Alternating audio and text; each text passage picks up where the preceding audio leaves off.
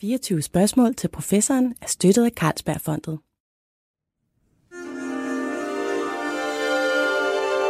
Du lytter til Weekendavisen. Her kommer 24 spørgsmål til professoren med Lone Frank. Jeg har været i Afrika et par gange, og er faktisk ret fascineret af det kontinent, og ikke mindst af altså, dyrelivet, landskabet, den slags. Første gang jeg var dernede, der var det faktisk som ung reporter i sin tid. Jeg skulle med et dansk hold forskere fra Biologisk Institut. Øh, professoren var Peter Aktanter, som interesserede sig meget for øh, forskellige typer vildt, hvor de kom fra, øh, hvad det hedder, øh, deres øh, genetiske slægtskab og populationer, hvordan de var konstrueret osv. osv. Øh, ham var jeg så med dernede, og øh, var blandt andet i Uganda, hvor vi så var på, på universitetet i, i Kampala og øhm, snakkede med en masse af de lokale forskere. Vi var ude og se på dyr, og blandt andet så vi, hvad jeg mener er verdens grimmeste fugl, øh, træskonæbet. Og der var nogle ornitologer med, som var fuldstændig altså, begejstrede. Nu har de endelig set de her træskonæber. Og det ligner altså virkelig en, en fugl, der har fået en træsko i hovedet. Mm. Øh, men det er meget interessant. Men øhm, hvad, der var også, jeg skulle også skrive, kan jeg huske, en artikel om øh, Peter Alexander. Han havde på det tidspunkt en, øh, en lille ny phd studerende der havde lavet noget meget interessant genetisk arbejde. Han hed Eske Villerslev. Så, øh, så jeg skrev også på, på det tidspunkt om denne meget, meget unge Eske Villerslev. Så nu kan man jo øh, hvad der, se, hvor, hvor lang tid det er tilbage i tiden, det her. Øhm, jeg kom til at tænke på alt det her for ganske nylig, fordi jeg blev opmærksom på øh, en artikel, der er kommet ud øhm, om zebra og zebra-bestande og zebra-populationer, at de i virkeligheden er, øh, hvad skal man sige, meget anderledes bygget op, øh, end, end man har troet. Altså, der er noget andet under den her stribede dragt, genetisk set, end, end man sådan lige har gået og troet. Og det er faktisk danske forskere, der har lavet det her øh, arbejde, og som blandt andet bygger på en hel masse prøver taget af denne gamle professor Peter Aktanter. Øh, og vi skal prøve at snakke meget mere om både det her studie, og i det hele taget det her med at studere øh, dyrepopulationer genetisk. Og det skal vi gøre med min gæst i dag, det er Rasmus Heller. Velkommen til dig.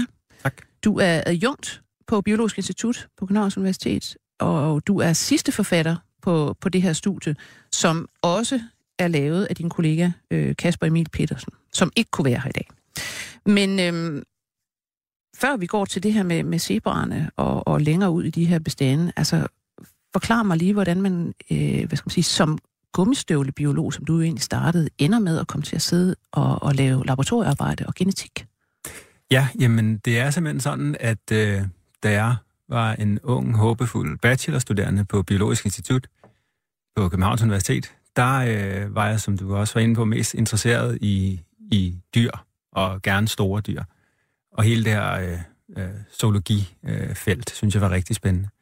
Øhm, og øh, da jeg skulle lave bachelorprojekt, der øh, lavede jeg faktisk øh, et feltstudie i Indonesien, hvor vi var ude og øh, båndoptage gibbernaber simpelthen. Mm. Øhm, vi, skulle, øh, vi skulle optage deres, øh, deres vokalisationer, som og de, hedder. de hyler meget til hinanden? De hyler, de synger ligesom ja. øh, om morgenen, øh, tidligere om morgenen, til hinanden, for at markere territorium og sådan noget. Mm.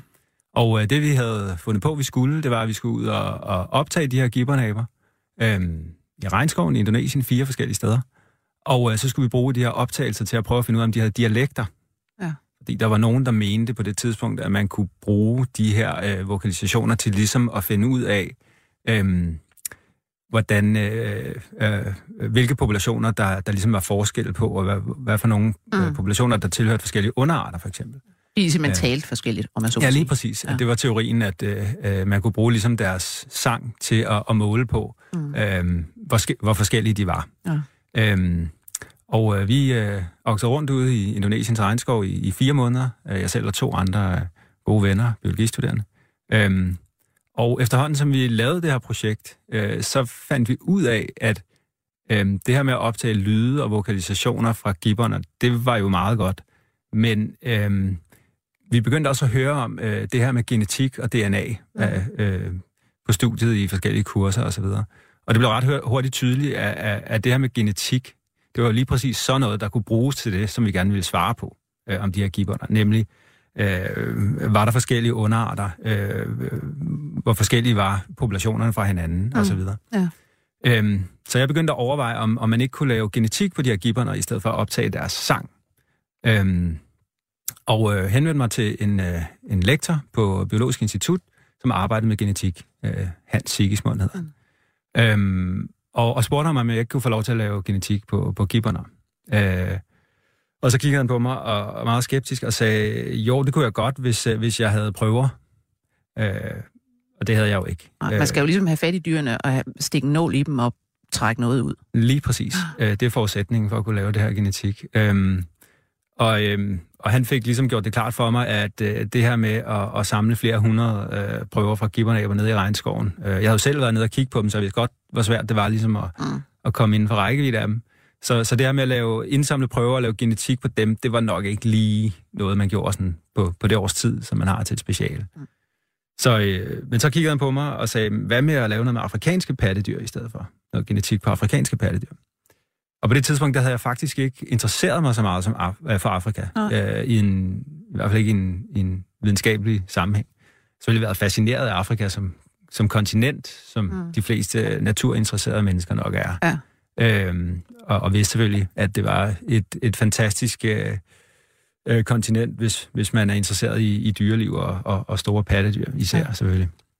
Øhm, og efter ligesom at gruble lidt over det, så tænker jeg jo, det, det, det kunne jo være spændende at prøve mm. det. Øhm, og det var sådan, at på det tidspunkt, der øh, var, var Hans og hans gruppe i gang med at skulle gå i gang med et genetisk studie på afrikanske bøfler. Ja. Øh, som en del af et Danita-projekt, der kørte. Øhm, og øh, så spurgte Hans, om jeg kunne tænke mig at lave genetik på de her bøfler. Øhm, og det gjorde jeg, og det var det, det kom der et special ud af. Ja. Og øhm, i løbet af det over til halvanden, som det speciale tog, kom jeg mere og mere ind i, i, i det her med, med populationsgenetik. Øhm, og øh, det, det gik op for mig øh, i en højere og højere grad, at, at øh, populationsgenetik øh, var jo i virkeligheden øh, en måde at svare på, på mange af de samme spørgsmål, som jeg havde gået og været interesseret i, øh, som, som øh, hvad hedder det, som almindelig gummistøvle Ja. øh, biolog, der hvor man går Ja. ud og kigger på dem. Er de lidt, er de lidt forskellige fra hinanden? Øh, siger de noget lidt forskelligt? Og så Lige præcis. Men det er klart, at, at, at genetik, ja, det er jo at komme ind under huden og se på strukturen af, jamen, kan vi faktisk pinpointe eventuelt, hvordan er de forskellige? Og der kan jo sagtens være interessante forskelle, selvom man faktisk ikke kan se dem udenpå.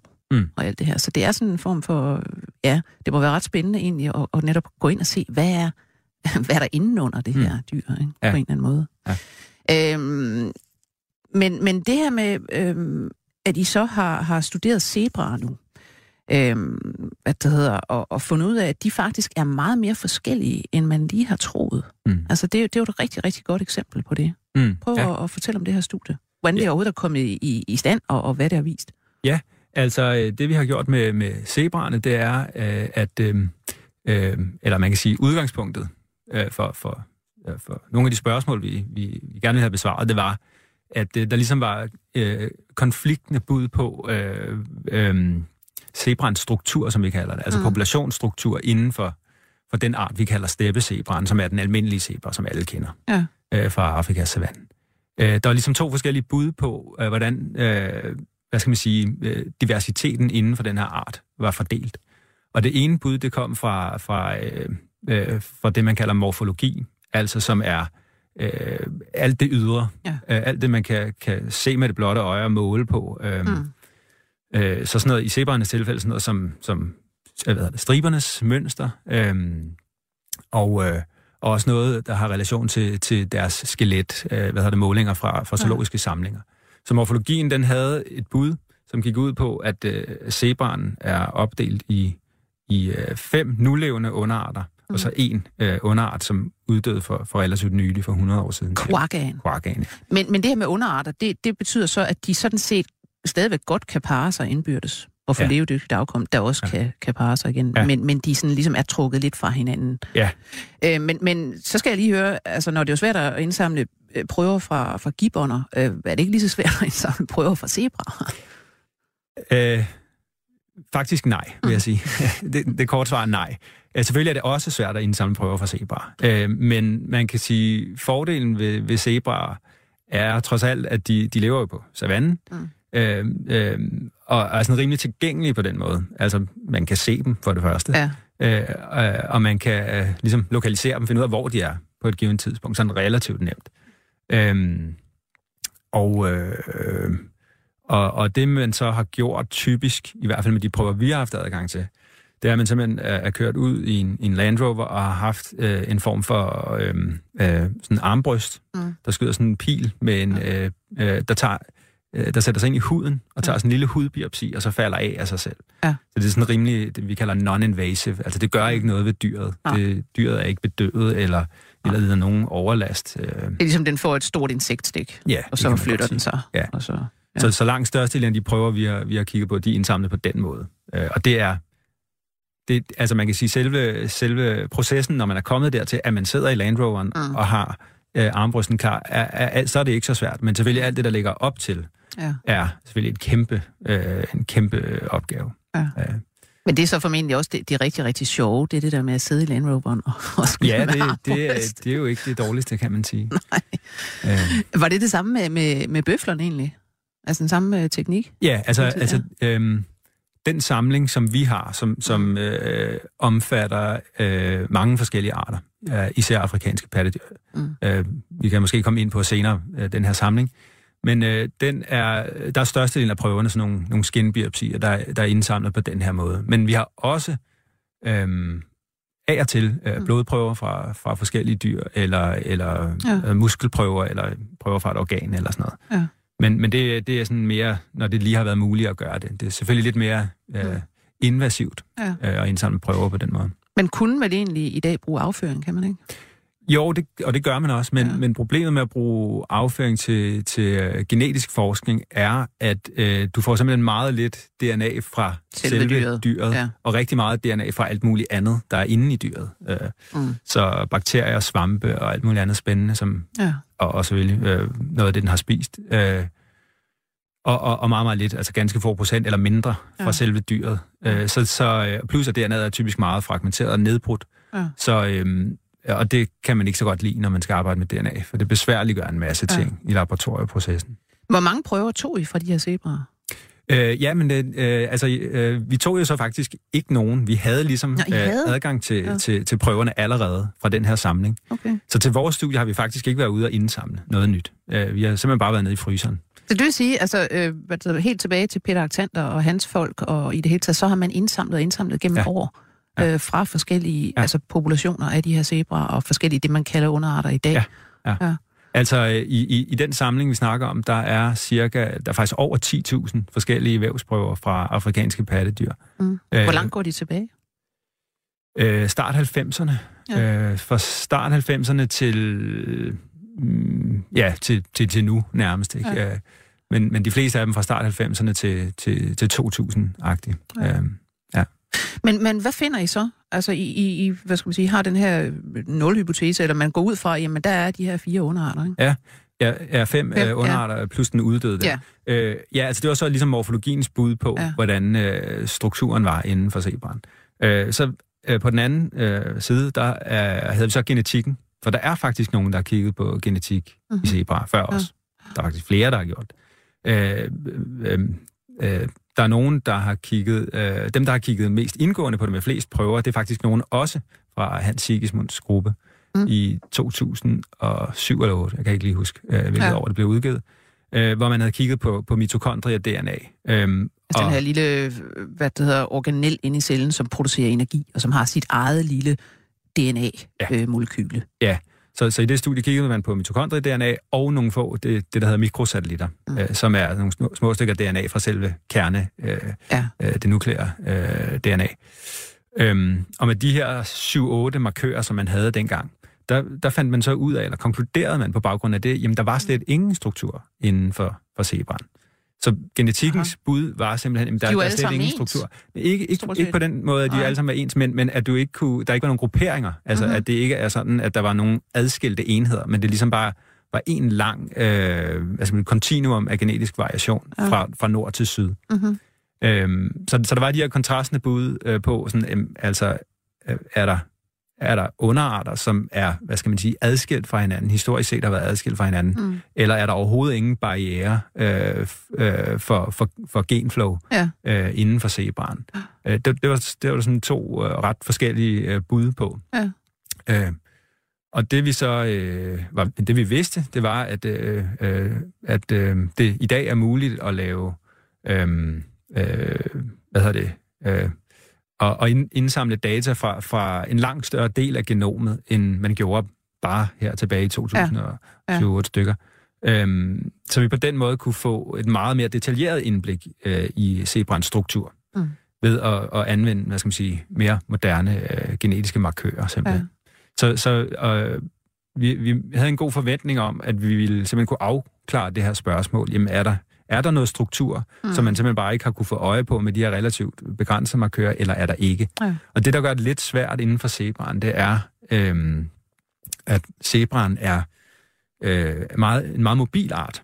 Ja. Øh, De løber stærkt simpelthen. de løber omkring. øh, De løber stærkt, og de løber, de løber meget omkring. De migrerer som, øh, hvad hedder det, for at finde det græs, de, de ligesom gerne vil have. Så de, Ja. de, mig- de migrerer som følger regntider og så rundt i landskabet. Og, og på den måde udveksler de jo gener med hinanden. Ja. Og, og det gør, at, øh, øh, at øh, øh, den struktur, der er inden for zebraen, er formentlig sløret af det her genflow, som der foregår øh, inden for arten. Mm. Ja, og det, det, det var også det, som, som det, det tidligere genetiske studie konkluderede. At det var simpelthen, på grund af den her høje mobilitet, så var der slet ingen struktur. Mm.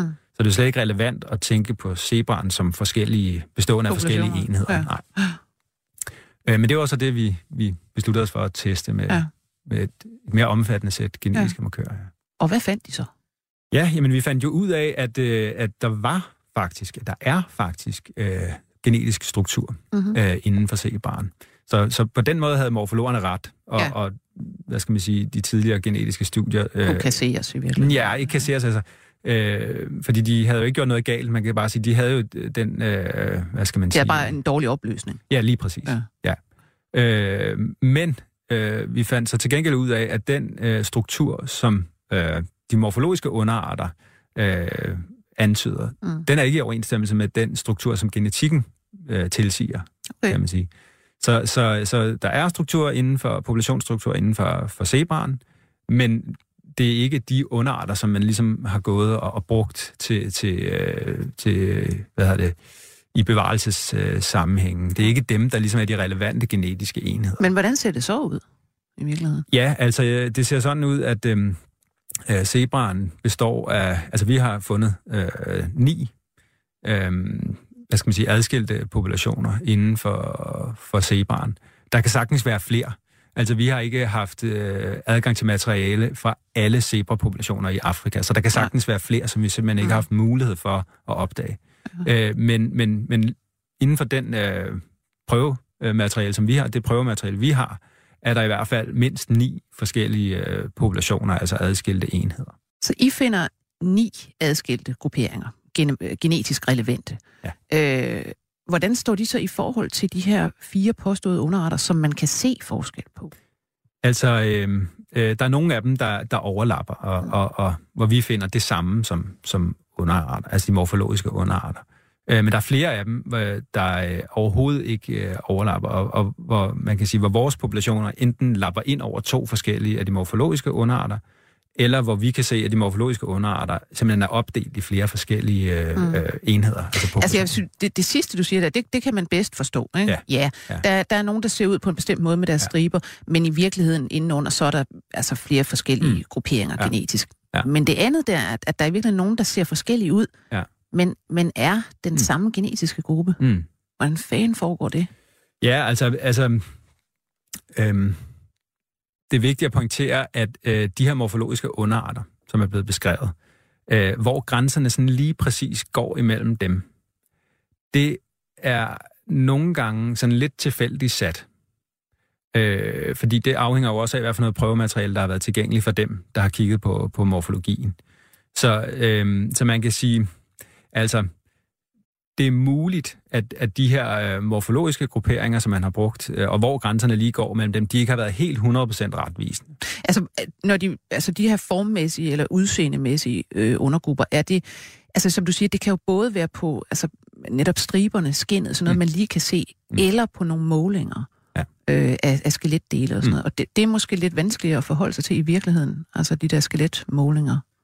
Ja, altså, øhm, øhm, det man kan sige, det er, at, at øh, al- altså de her morfologiske, den her morfologiske måde at, at, at kigge på variation inden for en art, er jo også underlagt øh, en masse begrænsninger, som, som jo består blandt andet i, hvor meget prøvemateriale man, man har til sin rådighed, og hvor det kommer fra.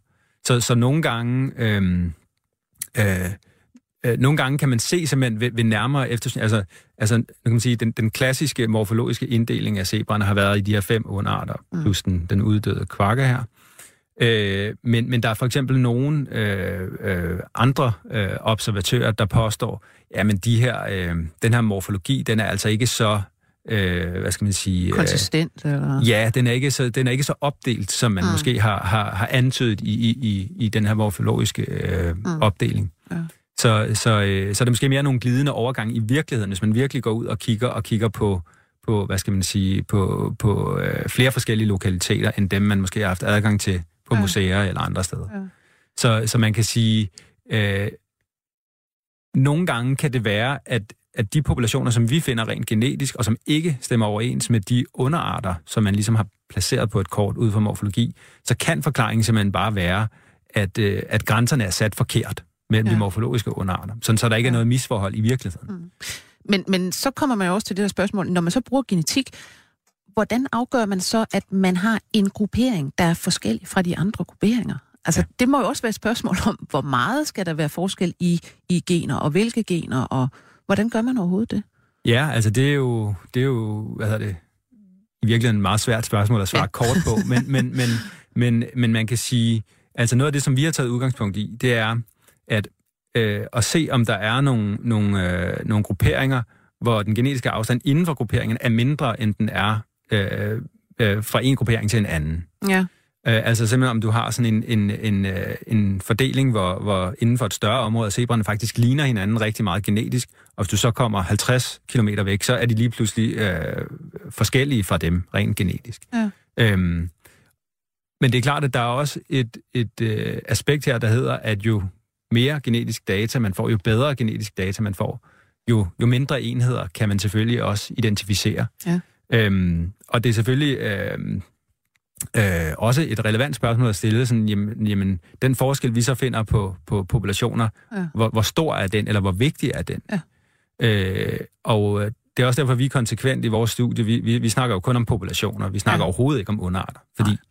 vores resultater virker, viser, at øh, øh, der er så lidt forskel, genetisk Mm. forskel mellem populationerne, så det giver overhovedet ingen mening at snakke om underarter inden for, for zebraen her. Men så lad os lige i virkeligheden tage, fordi det er jo også et, et øh, altså grundlæggende spørgsmål i, i, i zoologien og i biologien. Hvad er en art, og hvad er en underart? Altså, hvordan afgrænser vi ud, at man kan... Øh, altså, arter vil man umiddelbart sige som lægmand, ja, altså, kan de parre sig, og kan de få levedygtigt afkom, der også er fertilt? Så har vi, øh, hvad det hedder, øh, ja, så er, det, så er det inden for en art. Mm. Men, men hvad verden er underarter? Hvordan skal vi forstå det? Ja, altså underarter, det er sådan et rigtig misfoster, sådan ja. rent, øh, rent videnskabeligt, fordi det er ikke særlig veldefineret, hvad, det egentlig, hvad der skal til for, at noget er en underart. Øhm, det, det er noget, man ligesom øh, har indført, fordi øh, øh, at man selvfølgelig, det blev klart, at inden for det, vi kalder arter, og som, øh, altså det her med arter har jo en lang øh, historie, det er helt tilbage fra, fra Linné og andre øh, Mm. mm. tidlige taxonomer, det her med, med at inddele dyr i arter, Ja. øh, og endnu længere tilbage i virkeligheden. Øh, men øh, det her med underarter, det er altså et udtryk for, at man fandt ud af, at inden for arterne var der noget variation. Ja. Og det var jo typisk sådan noget, som man for eksempel så i zebraen eller hos alle mulige andre. Man synes, at striberne så lidt forskellige ud i forskellige dele af udbredelsesområdet. Så underarter blev indført som sådan en måde ligesom at gruppere den her variation på en, en bekvem måde, kan man sige. Øhm, men der er ikke nogen øh, særlig veldefineret definition af, hvad en underart er. Altså normalt så forstår man det som en, en, en geografisk gruppering af, af individer inden for en art, der, der ser anderledes ud end andre grupperinger. Så vi kunne egentlig lige så godt sige, at øh, hvad det hedder, vi kunne bruge det inden for, for menneskeheden, sådan Yes. set. Der er en afrikansk underart, eller måske flere, og der er nogle nordeuropæiske og nogle sydeuropæiske underarter. Og... Jamen, Og altså det, det ville vi jo aldrig gøre. Nej, men, Og men, det- og men det er det er i lige virkeligheden præcis- det, man kunne. Altså, Ja. det er den samme type variation, I snakker om. Ja, lidt, ja. Og, Ja. og det udstiller jo i virkeligheden, at begrebet er, er ret meningsløst. Fordi der er jo ingen som helst biologisk meningsfuld forskel på øh, mennesker fra forskellige dele af verden. Men det er jo så spørgsmålet. Hvis du spørger en mediciner, så vil de jo sige, at det er der, fordi der er stor forskel på, hvilke sygdomme er prævalente i hvilke grupper, og hvordan forløber de sygdomme. Øh, der er store genetiske forskelle, som er øh, sygdomsmæssigt relevant. Ja, det er Men rigtigt. altså, Det er rigtigt. Ja. Altså, og det, det øh, har selvfølgelig også øh, basis i nogle genetiske forskelle. Mm. Selvfølgelig er der Ja. genetiske forskelle inden for mennesket også. Og der er også populationsstruktur inden for mennesket. Ja. Men, men det er jo bare det, vi skal snakke om. Vi skal snakke om populationer ja. i stedet for underarter. For underarter ja. er sådan noget Ja. lidt underligt noget, som, som ikke, definitorisk. Ja, lige præcis, ja. Og, og det, der er en underart inden for en art, behøver ikke at være... To underarter inden for en art behøver ikke at være lige så forskellige øh, genetisk set, som Nej. to underarter inden for en anden art. Nej.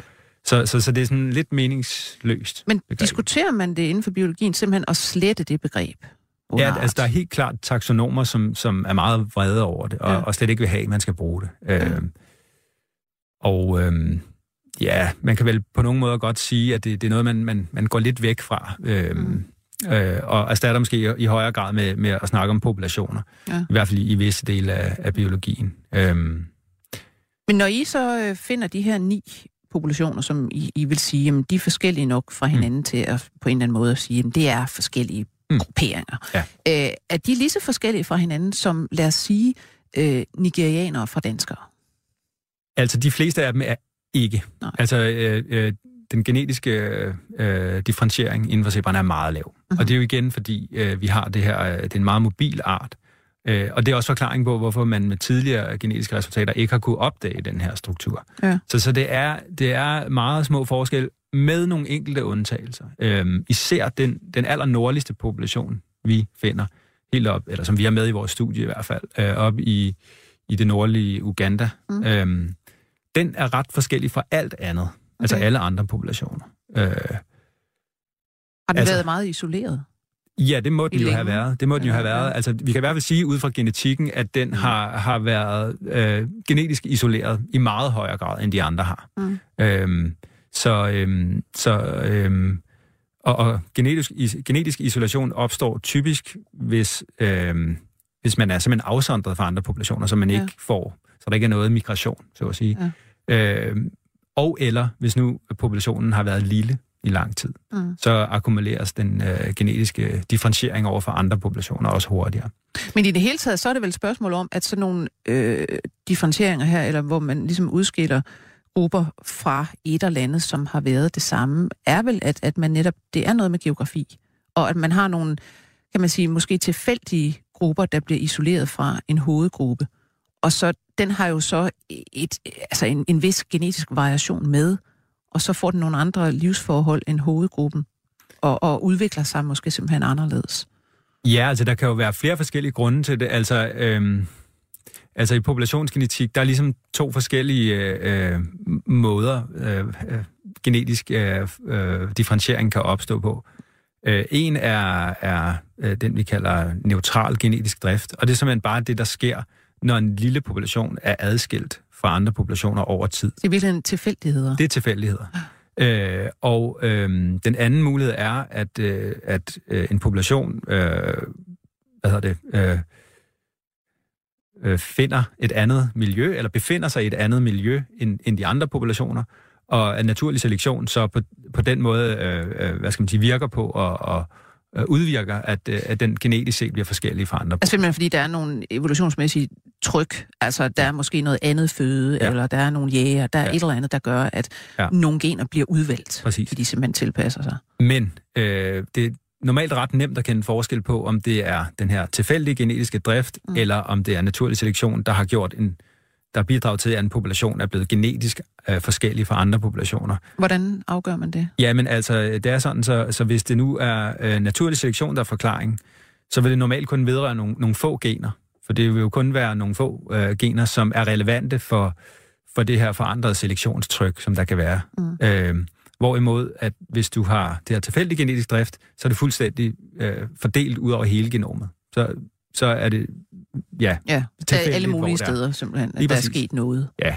Så, så, så det er ret, normalt ret nemt at kende forskel på, på de her to øh, processer, kan man sige. Mm. Og det vi finder med, med den her nordligste Uganda-population, det er altså tegn på det, der hedder altså tilfældig genetisk drift. Så det, det, det er nok, fordi den har været isoleret mm. øh, i, i længere tid. Ja.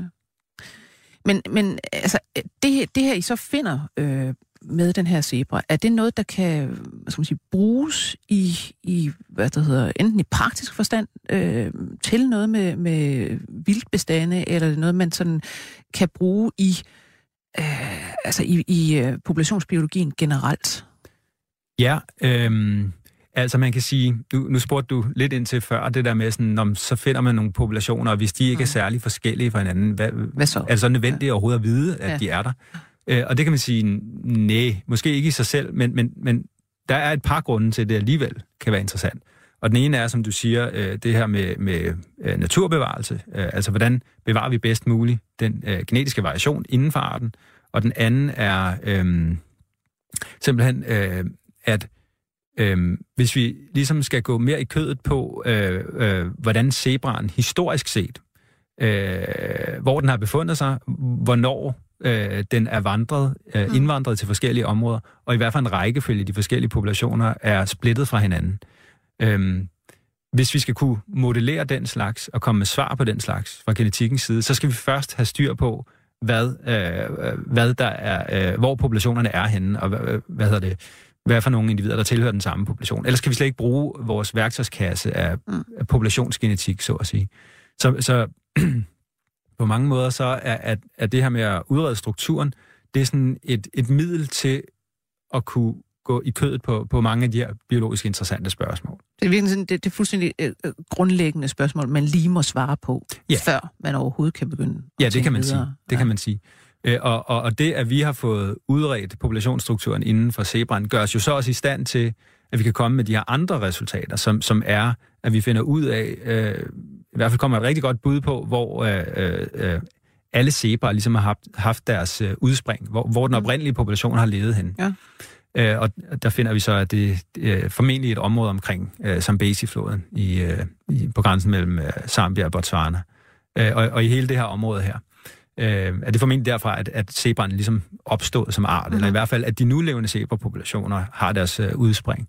Øh, og det ville vi, ville, ikke, ville vi ikke have kunne fundet ud af, hvis vi ikke havde fået styr på populationsstrukturen, så vi kunne bruge alle vores fancy metoder til at... Men skal man så forstå det sådan, at, at der stadigvæk øh, omkring Zambezi-floden og Okavango øh, ja. øh, bliver, om man så må sige, produceret genetisk variation, der, der breder sig ud til de forskellige øh, zebrapopulationer, eller hvad? Ah, det, det er nok for... Det ved vi simpelthen ikke. Mm. Det, det er nok for, for, for, for stort stort et postulat. Det, ja. det kan vi ikke sige. Mm.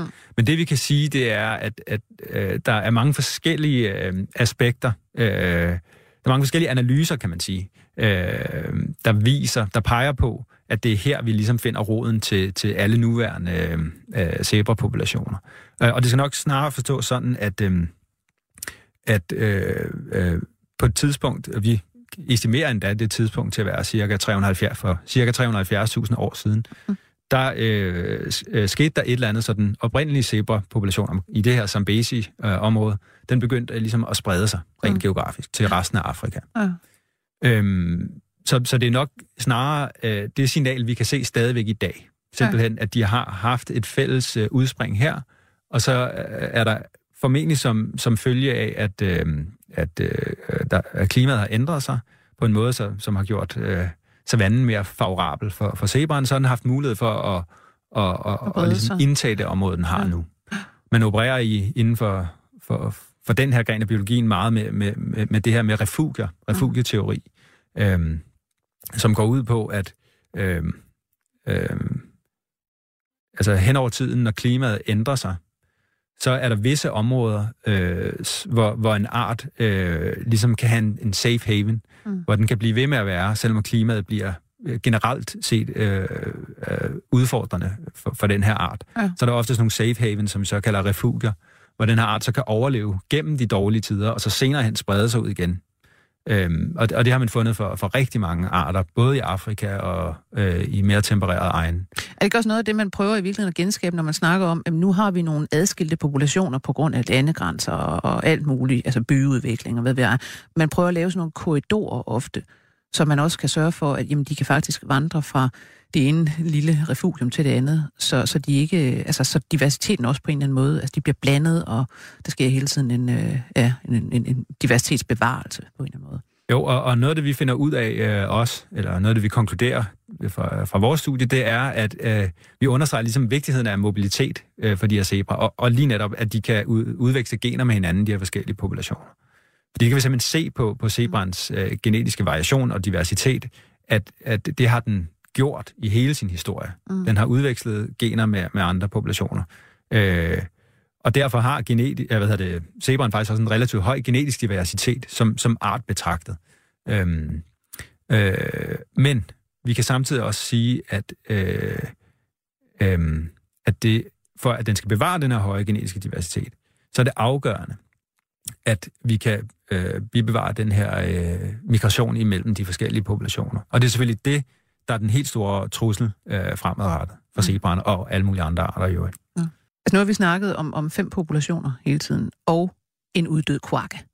Øhm, fortæl lige lidt om den her kvarke. Øh, hvad var det egentlig for en zebra, og, og hvorfor uddøde den, og hvornår? Ja, Jamen, kvarken den er interessant, fordi øhm, den ligner overhovedet ikke alle de andre øh, steppezebraer, som er den her almindelige art af zebra, vi snakker om hele tiden den havde simpelthen øh, mistet striberne, så at sige, på hele den bagerste halvdel af kroppen. Så den havde ingen striber på den bagerste halvdel af kroppen. Tværtimod så var den sådan, øh, øhm, sådan lidt, øh, hvad hedder det, cremefarvet mm, nærmest, ja. på hele den bagerste halvdel, og havde så altså så striber på den forreste halvdel. Så den så altså markant anderledes ud end, end alle andre zebraer. Mm. Øhm, og det gjorde så i øvrigt også, at, at da man først opdagede den, så at sige, eller i hvert fald da europæer først blev opmærksom på den, så, så troede man selvfølgelig, at det, det her det var noget helt andet. Ja. Det måtte være noget, en, en helt anden art i hvert fald, som minimum. Ja. Ikke? Øhm, og, og det var ligesom antagelsen i lang tid. Øh, og øh, så skete der det, at, øh, at faktisk øh, er det sjovt, fordi øh, koakaen var den allerførste organisme, hvorfra man udvandt øh, DNA fra et museumseksemplar, altså fra, okay. fra et skin. Ja. Så den allerførste starten på det, vi kalder ancient DNA-æraen, det var simpelthen en quagga. Det var den første, jeg tror, det var i 84, man gjorde det. Hvor er det henne? Øh, England, formentlig. Jeg tror faktisk, det var nogle japanske Nå. forskere, der gjorde det. Ja. Øhm, øh, I hvert fald dem, der ledede det, sådan som jeg husker det. Øhm, og øh, der lykkedes det som, dem så at udvinde et lille stykke af det her berømte øh, mitokondrie-DNA, som mm. vi tit snakker om, og, øh, og sammenligne det med mitokondrie-DNA fra øh, øh, zebra. zebra øh, og fandt så ud af, at hov, det var jo, det var jo meget uh, man til, til det fra, fra den almindelige zebra, altså steppe, steppezebra. Ja. Uh, og det startede sådan lidt en, en, en det, det undrede folk meget. Igen har vi den her, det her misforhold nogle gange mellem morfologi og hvad, hvad genetikken så viser. Ikke? Jo. Øhm, og, og man kan sige, øh, altså selve quaggaens skæbne var jo, at den blev simpelthen jaget til døde, eller til, til udryddelse i slutningen af 1800-tallet. Øhm, og hvor levede den? Altså, var det i Østafrika? Nej, den, den var helt nede i, i Sydafrika. Sydafrika. Øh, den levede kun i Sydafrika. Mm-hmm. Øh, og Sydafrika var jo øh, et af de første afrikanske lande til ligesom at få øh, at blive kolonialiseret og, og få sådan en, hvad skal man sige, øh, en høj øh, grad af europæisk øh, indflydelse. En fornuftig administration. Uh, det, ikke lige i det her tilfælde, fordi det tog dem ikke mere end, end et par hundrede år at udrydde ja, hvad det, kvarken fuldstændig. Ja. Det var simpelthen jagt. Var det for skinnet, eller for, for kødet? Eller? Det har formentlig været øh, mest for at gøre plads til husdyr. Okay. Øh, men øh, der er sikkert også blevet indsamlet rigtig mange kvakkeskin også her. Øhm, så dem skød man simpelthen øh, mm. til udryddelse. og, og, og det øh, samme ville man have gjort med zebra, hvis de havde levet der formentlig? Ja, det, altså, det ville man ja. formentlig. Altså, der var, øh, hvad hedder det, estimaterne går på, at der var rigtig mange kvakke, altså 100.000 vis bare ja. af den her ene underart ja. øh, af koakaen her, nede i Sydafrika. Ja. Så, så det gik ret stærkt og var ret voldsomt. Øhm, og ja, hvis det havde været zebraen, den ja, almindelige zebra, der havde været der, så, så havde det nok været den, der var rådet. Øhm, men, øhm, men ja, og, og, og det sjove det er, at øh, da man ligesom, før man fik øh, DNA øh, fra den her koaka her, da man skulle komme med, med bud på, hvad det var for en øh, størrelse, og hvad, hvad for en zebra den havde den tætteste relation til, så, øh, så går der historier om, at, at man øh, øh, i starten faktisk troede, at den var nært beslægtet med hesten, baseret på, på, på kranier. No. Men det viser sig så, at øh, øh, der var nogle kloge hoveder, der fandt frem til, at nogle gange, når man skulle udstille de her quaggaskin på, på øh, museer, mm. så havde man ikke lige kraniet, man havde kun skinnet. Og så satte man selvfølgelig bare det på en heste, et hestekranie. Ja, ja. Og så, så nogle af de første undersøgelser måske faktisk lavet på øh, hvad hedder det, hestekranie i en quaggaskin. Så det kunne være forklaring på, hvorfor man havde lidt forvirring om, hvor den skulle placeres hen, øh, mm. da man kun kiggede på den slags. Ja. Men altså, man fandt ud af, undskyld, øh, baseret på mitokondrie-DNA, at, øh, at den hører altså til inden for C-barn. Mm. Og senere hen har man så, øh, er det lykkedes at få DNA ud af flere skin, mitokondrie-DNA ud fra flere skin af, af quaggaer. Og man har altså fået bekræftet det her med, at den, den, den er altså, de er alle sammen øh, øh, inden for, for den genetiske variation, man finder øh, hos steppesebrand. Men havde I nogle øh, prøver fra quagga? Altså, hvor I kunne bruge øh, altså, øh, genomet som sådan, altså et kerne-DNA'et? Altså, vi var så heldige, at øh, øh, for to år siden, i 2000, nej, det var mere nu, fire år siden er det blevet, i 2014 blev der publiceret et studie, hvor man faktisk havde øh, sekventeret øh, det komplette genom mm. fra kvarkagen, ja. sammen med jo at alle de andre øh, medlemmer af hestefamilien. Så, øh, så de her data havde vi ligesom adgang til. Det kunne sådan set bare sammenligne? Ja, vi kunne sammenligne. Altså vi havde... Øh, øh, jo, vi har, vi har jo ikke sekventeret hele genomet, men vi har sekventeret et udsnit af genomet, og så kunne vi så ligesom bare pille det tilsvarende udsnit ud fra, fra Quark-genomet, som var mm. publiceret, og så kunne vi inkludere det i vores analyse.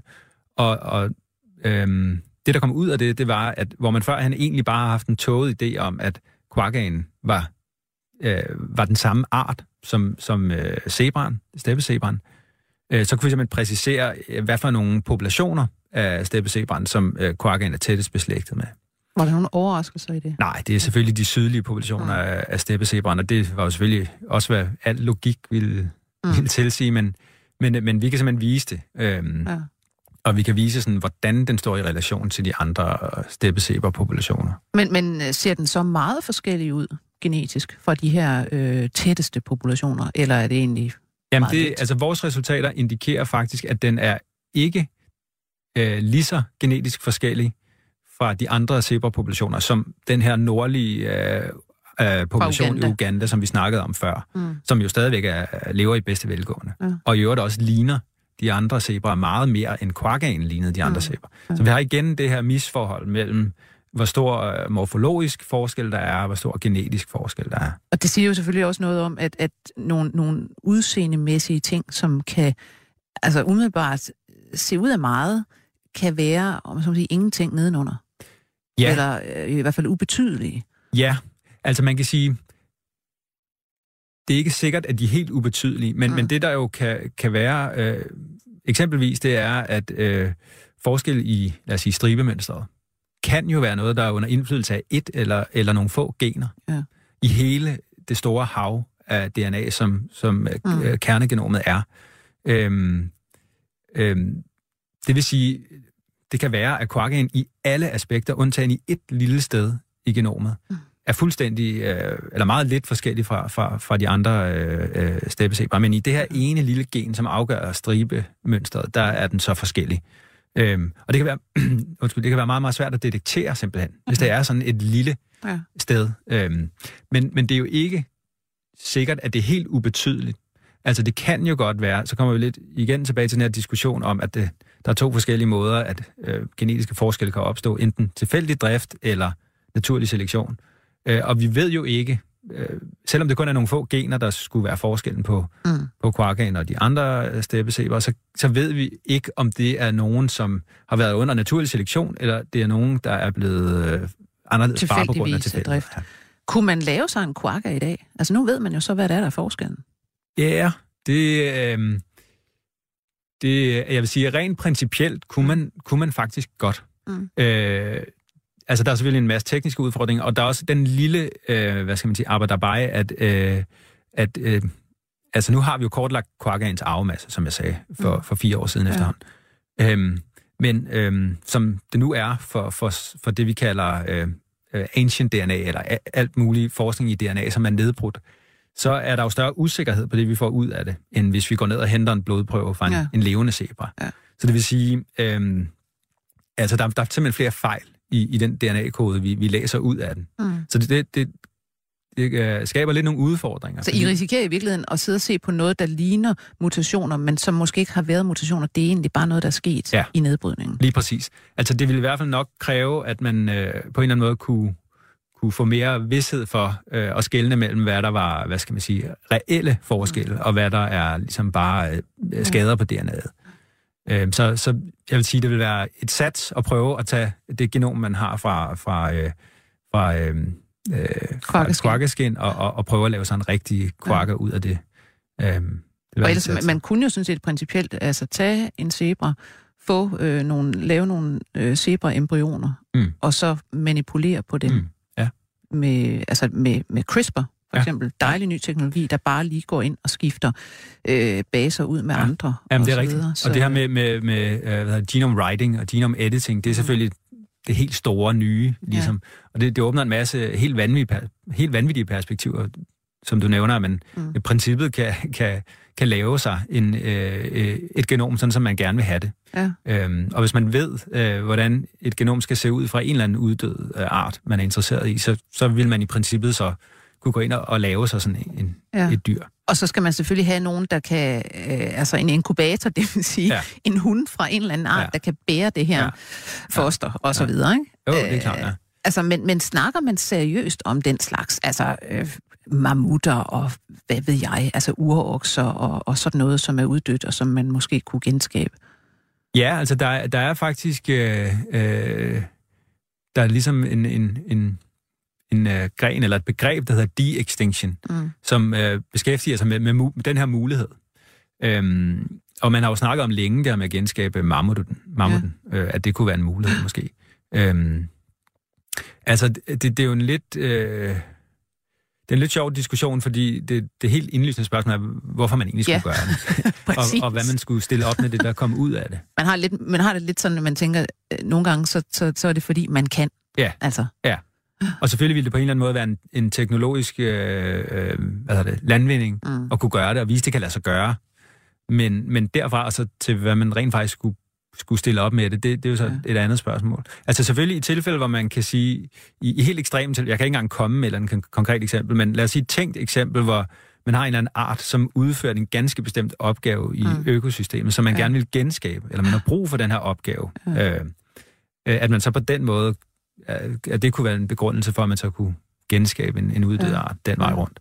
Men det problem, vi har i dag, er jo ikke, øh, at vi skal øh, genskabe uddøde arter. Det er at bevare dem, vi, vi har. Ja, det kunne være et meget godt udgangspunkt. Bare starte med det, ja. kan man sige. Ja. Øhm, er, er, altså, er du i gang med andre projekter, der ligner det her med zebraen? Er der andre arter, eventuelt i Afrika eller andre steder, som man, man er virkelig interesseret i at finde ud af noget om populationsstrukturen? Ja, altså det er jo klart, at, at øh, de her resultater og også andre resultater i øvrigt øh, illustrerer jo, at der er på en eller anden måde et kæmpe efterslæb inden for zoologien i at, og, og, og, hvad skal man sige, få lavet noget ordentlig genetik, så man kan få udredt de her øh, øh, mere eller mindre anekdotiske underarter, som man opererer med inden for, for mange af, mm. af arterne. Øh, og, og simpelthen få styr på øh, den vej rundt, som jeg sagde, øh, ved at få udredt øh, strukturen, få styr på, øh, hvor er det, den genetiske variation er, hvor, hvor er den, den, den del af den genetiske diversitet, der er under trussel, mm. og, og hvordan står populationerne i relation til hinanden, hvor kommer de fra, hvor øh, er de vandret hen, hvornår og hvorfor. Ja. Ja. Øhm, så, så, så det er jo et, det er jo et kæmpe, hvad skal man sige, øh, potentiale, der er der.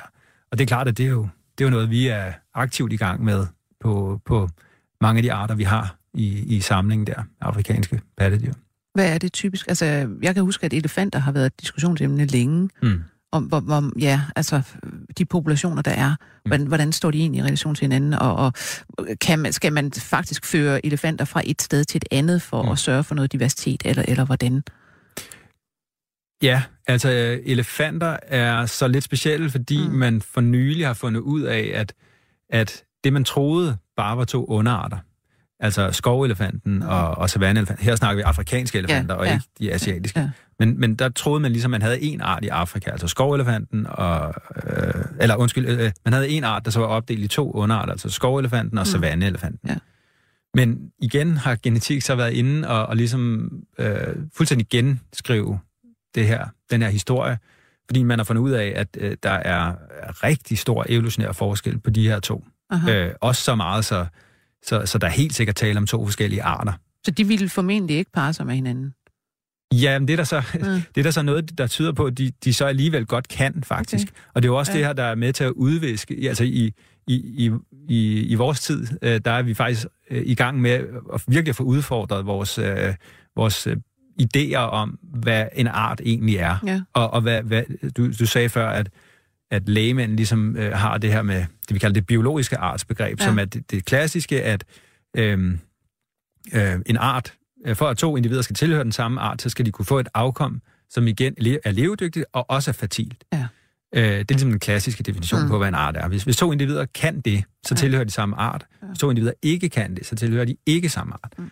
Men det vi finder ud af, det er, at øh, ofte, at noget, som vi egentlig i alle mulige andre øh, øh, aspekter ville kalde to, helt klart to forskellige arter, at de faktisk nogle gange godt kan få fertilt afkom. Mm. Så, så øh, der, der, der er nogle ting, der, der Så er det er skrevet igen, man, man kan spørge sig, hvad er det så, der udgør, øh, hvad skal man sige, at, hvad er det så, der gør, at de, de er to forskellige arter? Det er så, at de ser ja. Så forskellige ud, de har så forskellige. Mm. levevis, at de måske meget, meget sjældent ville vælge at parre sig, selvom det egentlig godt kunne lade sig gøre.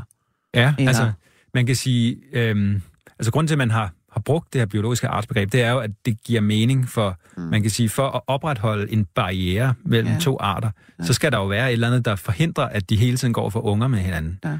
Så, så, øh, så det er jo en, en rimelig antagelse at gøre, at for at to arter skal blive ved med at være to forskellige arter, så må de ikke kunne få at afkomme med hinanden, der er fertilt. Men det, der kan gøre sig gældende ved, ved elefanterne, kan jo være, at det er, hvad skal man sige, det er en speciation, der er ved at ske. Altså, der er ved at ske artsdannelse med skovelefanten og øh, altså, savanneelefanten, er ved at blive efterhånden måske så forskellige, at de bliver to arter. Ja, men altså, det, det, altså, øh, det, det er muligt. Øh, det, man har fundet ud af, det er, at det er, det er virkelig lang tid siden, at de ligesom splittede fra hinanden rent evolutionært. Jeg, jeg kan ikke huske i hovedet, hvor, hvor lang tid, men det, det er adskillige millioner år. Ja. Og det vil man normalt sige, at det er helt Det er klart to til- forskellige ja. arter. Det er helt klart lang tid nok, Ja. ja. at noget har været adskilt til, at så er det helt sikkert to forskellige arter. Men der spiller øh, evolutionen os også nogle gange lidt et pus ved, at, at det, er ikke nogen, det er ikke altid sådan en, en fuldstændig... Øh, hvad skal man sige, indlysende sammenhæng mellem, hvor lang tid noget har været adskilt, og om de så faktisk er reproduktivt adskilt fra hinanden. Ja. Øhm, Det er også interessant det der med, hvordan øh, artsdannelse overhovedet sker. Altså, at ofte kan det vel være noget med, at så opstår der en eller anden øh, adfærdsmæssig lille forskel, som gør, at nogle grupper, som lever op af hinanden, pludselig ikke, jamen, så de bryder sig ikke om de derovre, de har nogle lidt andre pletter, eller et eller andet, der gør, at jamen, så begynder de at udvikle sig hver for sig. altså, det er, artsdannelse kan, kan ske på mange forskellige måder, og, og, og selvfølgelig er den mest almindelige, at, at øh, to populationer på en eller anden måde bliver fysisk adskilt fra hinanden. Ja. Og at den fysiske adskillelse så bliver opretholdt over længere tid. Og at art, artsdannelsen så sker, så at sige, enten tilfældigt, øh, eller også fordi hver af de her to nye øh, arter, de, de tilpasser sig forskellige miljøer. Øh, men det kan også ske, som du siger, at, øh, at arter så at sige opstår inden hinanden, altså Mm. uden at der finder nogen fysisk øh, adskillelse sted. Øhm, og øh, det, det, det er lidt øh, sværere at forklare, hvorfor det så sker i sådan nogle tilfælde, men der, der kan være forskellige økologiske forklaringer på det. Øhm, at man simpelthen, at, to, at arter udvikler sig i det samme område, men til at, at ligesom, øh, udfylde forskellige nischer, mm. altså for eksempel foretrække forskellige føde, Ja. og på den måde undgå at være i konkurrence med hinanden. Og sådan er der flere andre øh, mulige forklaringer på. Jamen, øh, vi har fået grundig rod i både øh, kromosomerne og, og arterne og underarterne i løbet af, af bare 55 minutter. Det har været en stor fornøjelse. Øh, Rasmus Heller, adjunkt fra Biologisk Institut på Københavns Universitet. Tak fordi du kom. Selv tak. Vi var i dag produceret af Ninette Birk. Jeg hedder Lone Frank. Glædeligt på genhør. 24 spørgsmål til professoren er støttet af Carlsbergfondet.